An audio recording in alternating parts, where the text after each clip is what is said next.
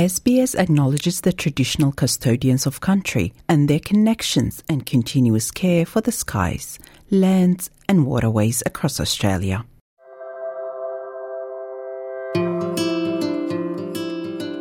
You're listening to Australia Explained, an SBS audio podcast helping you navigate life in Australia.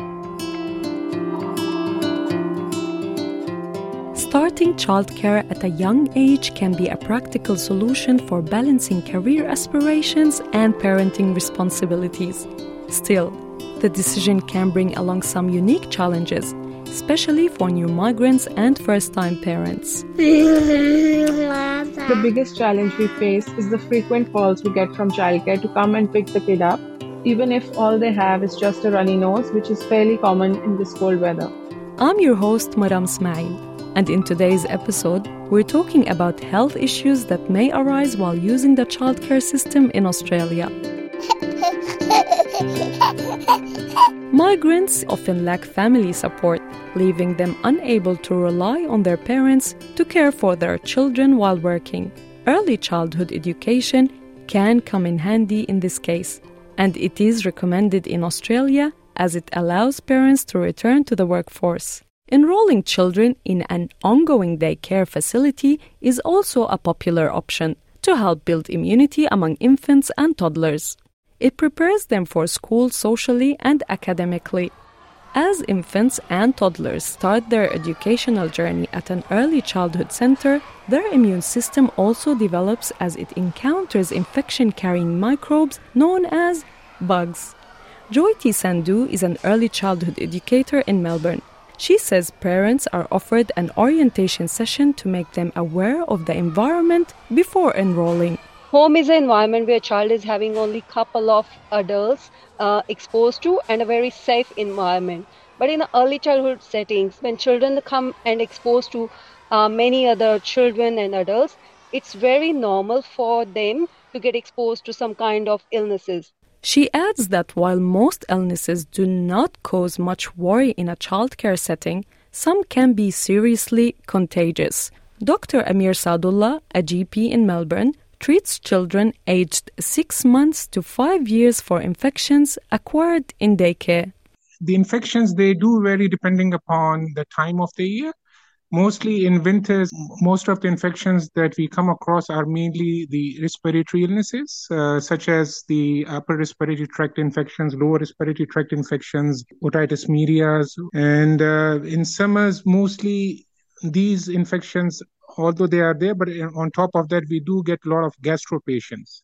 According to dr sadullah 20 to 30 out of 100 children who attend daycare frequently experience these infections Doctors often say these infections are self limiting, meaning they subside without specific medical treatment. I would say in about 90% of the cases, they don't need any antibiotics, and all they need is uh, uh, is just a bit of parental education and uh, a bit of fluid support and uh, antipyretics like uh, Panadol or pa- mm, Nurofen. Nikita a first time mother, has an 18 month old son who started attending daycare only a few months ago. Our son goes to the center once a week. In that shorter window, he has had two very bad cases of flu for which the GP prescribed antibiotics and also steroid syrup because paracetamol and ibuprofen weren't working. He even brought home hand, foot, and mouth disease with blisters all over his body. Nikita pointed out that navigating through such situations can pose various challenges. The biggest challenge we face is the frequent calls we get from childcare to come and pick the kid up, even if all they have is just a runny nose, which is fairly common in this cold weather. This means that as parents, we drop what we are doing, we have to go pick up the child, and then we cannot send him back till the doctor's clearance certificate is provided. It can be frustrating for parents to be asked to pick up their sick child from childcare center in the middle of a working day. If a child falls sick frequently, asking for leave from the employer or missing business can concern parents. In addition to that, parents must continue paying the childcare fees even if the child can't attend the center due to sickness. As new migrants, we are not entitled to childcare subsidy and have to bear the full cost out of pocket. This is $125 in my case. If you don't send the kid to childcare due to sickness, you still pay the full amount nevertheless, which is doubly painful. Dr. Sadullah outlines the symptoms that indicate a child should be sent home. Just with a runny nose, I don't think it's it's reasonable to send the child home. If there are other signs of infection that are there, for example, if the child has fever, if the child has cough, uh, if the child if it's an older child and they are complaining of a sore throat and visibly if the child is like if he doesn't look too good i think in that case uh, i would support that the child should be sent back home He also highlights the risky signs of infection that every GP must investigate, such as high grade temperature, around 39 to 40 degrees, a drastically reduced fluid intake associated with a runny nose, diarrhea, vomiting, or any new rash. From her side, Ms. Sandhu explains why an unwell child must stay home. It is going to help the child and it is in the best interest of the child. Otherwise, it is going to be a stage where, you know, if child is very, very sick, then the parent has to take the child to the hospital or getting a child hospitalized, then this recovery is going to take longer. She adds that excluding a sick child from a child care center is based on their duty of care towards other children in their facility. Frequent hand washing and keeping a safe distance from a child suffering from flu or gastro is advised.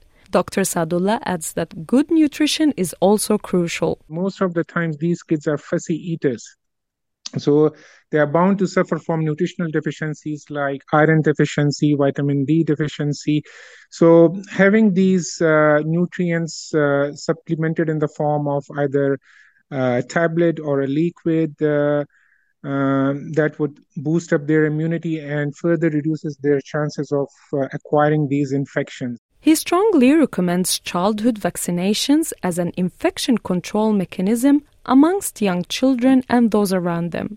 Ms. Sandhu explains that most early childhood education centers in Australia endorse the vaccinations earmarked by the federal government. Some parents opt not to get their child immunized, then we have a different regulation and guidelines around that. For example, if there is a breakout in the childcare service, uh, there's a gastro um, going on, then we do recommend those children who are non immunized. Parents can keep them home because they don't have that immunity. Finally, Ms. Sandhu recommends that children be exposed to natural environments such as parks and playgrounds rather than indoor facilities like play centers to improve their immunity.